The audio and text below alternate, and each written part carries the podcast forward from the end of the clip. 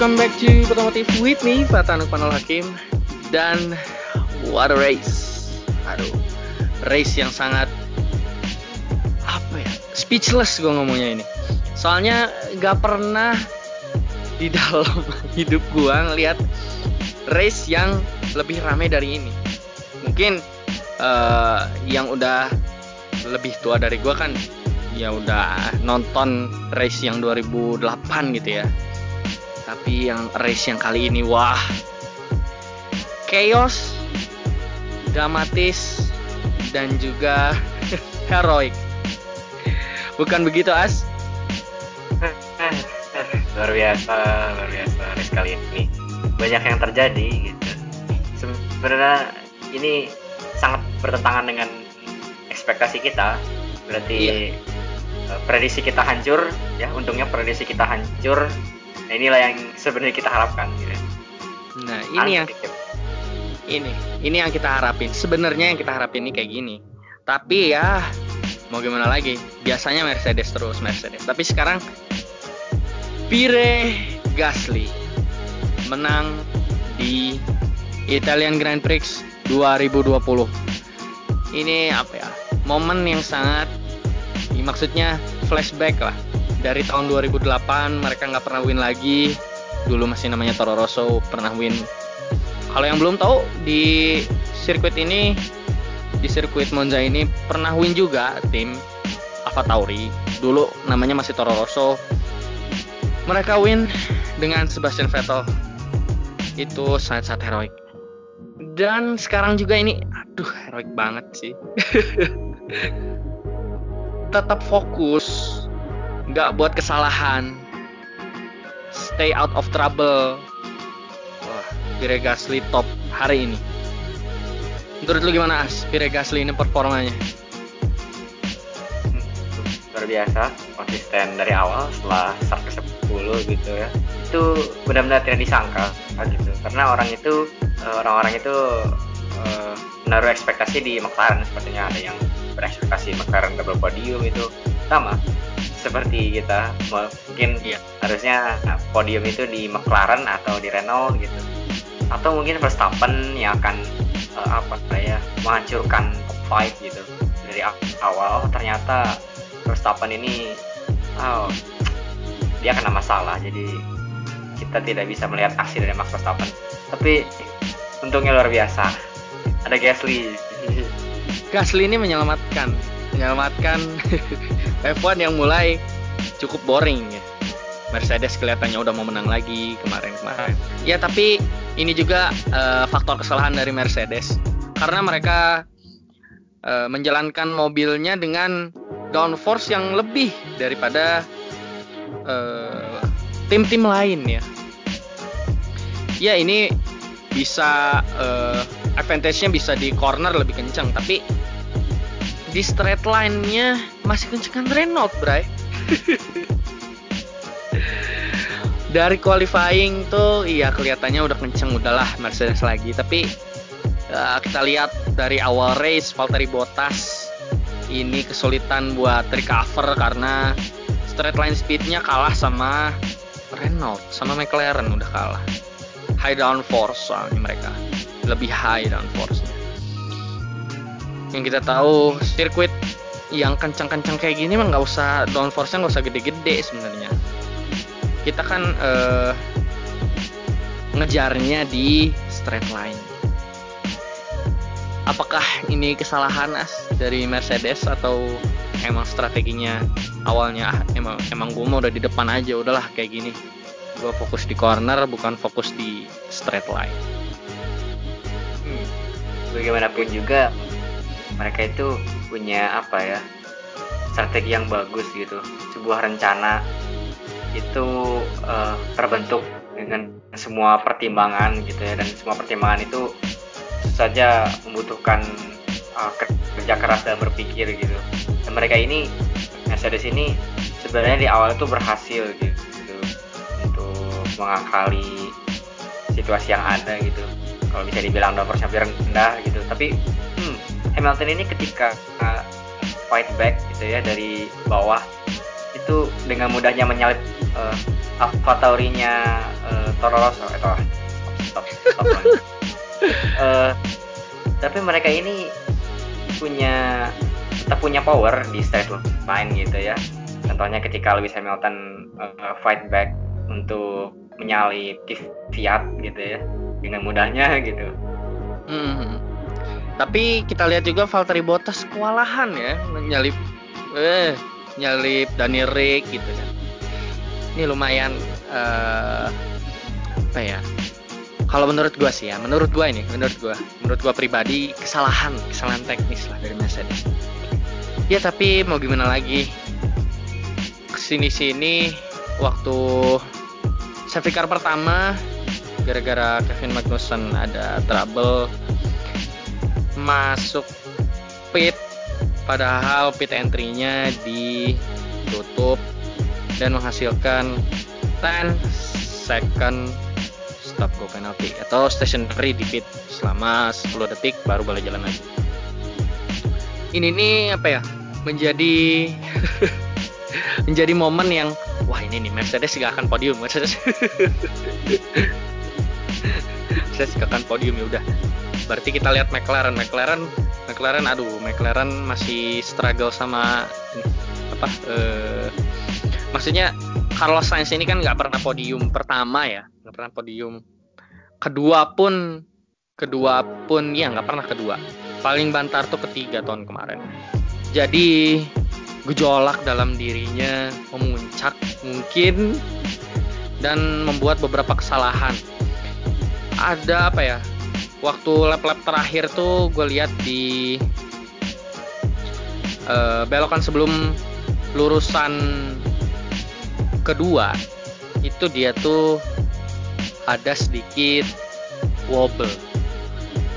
Ya, mungkin apa ya? Mungkin belum harinya aja belum harinya dari McLaren tapi ini udah step up jauh McLaren daripada tahun-tahun kemarin yang udah gue bilang di episode-episode sebelumnya ya. Kalau menurut lo ini gimana nih As performa dari McLaren. Hmm, ya cukup stabil. Uh, walaupun awalnya di expect podium gitu ya. Di Science ini di akhir-akhir itu mungkin uh, karena under pressure gitu ya. Uh, dari engineer-nya itu dia mendapatkan perintah wah ayo push use use it all, all gitu kan. Wah jadi pasti dia itu pasti kena pressure gitu. Makanya di lap akhir itu kayak mau nyalip gitu ya mau nyalip itu bukan di tempatnya gitu. Gapnya itu masih jauh tapi dia udah kayak nge, nge-swing ke kanan gitu. Iya. itu udah itu. Dan ingat semua seruan ini semua keseruan ini terjadi gitu ya karena yang retire itu Magnussen gitu. Dan iya. akhirnya entry ketahan gitu ya dan Hamilton melakukan mistake. gitu. Ya bayangkan saja kalau misalnya pit entry-nya uh, tidak tertutup gitu ya Hamilton pit seperti biasa dan ah menang seperti biasa nah, udah gitu, black race-nya mungkin gitu. terus ya. Setelah itu nih aduh yang buat Ferrari ini ya momen yang menyedihkan gitu ya setelah ah, Vettel race. Di awal race kena brake failure dan ternyata ada Charles Leclerc yang melakukan mistake ketika uh, exit di corner parabolika gitu ya. Hari ini dikumandangkan lagu kebangsaan dari Italia, tapi bukan untuk Ferrari, untuk Alfa Tauri. Cukup menyedihkan sih cukup menyedihkan. Karena ya Charles Leclerc kemarin tahun kemarin ya tahun kemarin tuh juara di sini. Tapi ya begitulah mobilnya seperti itu dia membuat kesalahan. Nabrak barrier ya akhirnya double DNF lah Ferrari. Binotto terlihat disappointed. Vettel terlihat kesal. Charles terlihat murung. Ya mau, mau gimana lagi? Takdirnya sudah begitu. Hmm. dari race uh, tadi itu kita jadi mendapat sebuah kesimpulan ya bahwa Ferrari ini selain, selain dikejar oleh Renault ya di poin Constructor Championshipnya itu dikejar juga oleh Alfa Tauri gitu ya. Tersusul. Double DNF gitu kan. Renault itu udah di atas Ferrari poinnya, poin ya, udah susul dan sekarang itu dikejar Alfa Tauri gitu thanks to Gasly iya podium Gasly dan kita lihat juga secondary Ferrari atau Alfa Romeo ini performanya bagus ya. Apalagi Kimi Räikkönen sempat ketiga. Sempat kedua sempat kedua. Paling tingginya kedua. Sempat kedua disusul disusul disusul disusul akhirnya ke uh, uh, jauh turunnya. Tapi yang paling yang paling apa ya? Yang paling heroik itu menurut gua penampilan dari Lewis Hamilton. Soalnya bukannya gua ngebela Hamilton ya gua mah gua mah netral nih. Uh, soalnya dia itu mobilnya itu malah lebih kenceng Renault di straight line. Tapi dia bisa recover dari posisi terakhir sampai masuk poin itu sudah pencapaian yang menurut gue sangat sangat sangat sangat the best. Walaupun oh. awalnya tadi pas penalti pingin bending ya. Dia tuh apa ya? Uh, pengen build gap katanya. Dua lap itu bisa sampai 5 detik. Tapi menurut gua nggak cukup. Maksudnya dua lap. Dua lap itu siapa sih yang mau ketinggalan di dua lap Nicolas Latifi aja masih ada di depan maksudnya. Walaupun dia slow car ya masih bisa masih bisa keep up lah kalau hmm, cuma cuma 5 detik. Nggak nggak nggak ngekikis waktunya nggak terlalu banyak. Dan juga minggu ini perpisahan dari Claire Williams. Karena dia mau turun turun jabatan udah keluar dari Formula One.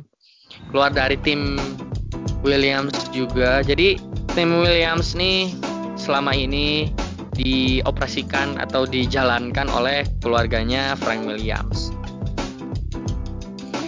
yang kita tahu ya seperti gue bilang di episode kemarin itu inovasinya banyak banget dulu. Ya untungnya sekarang udah dibeli sama perusahaan asal Amerika.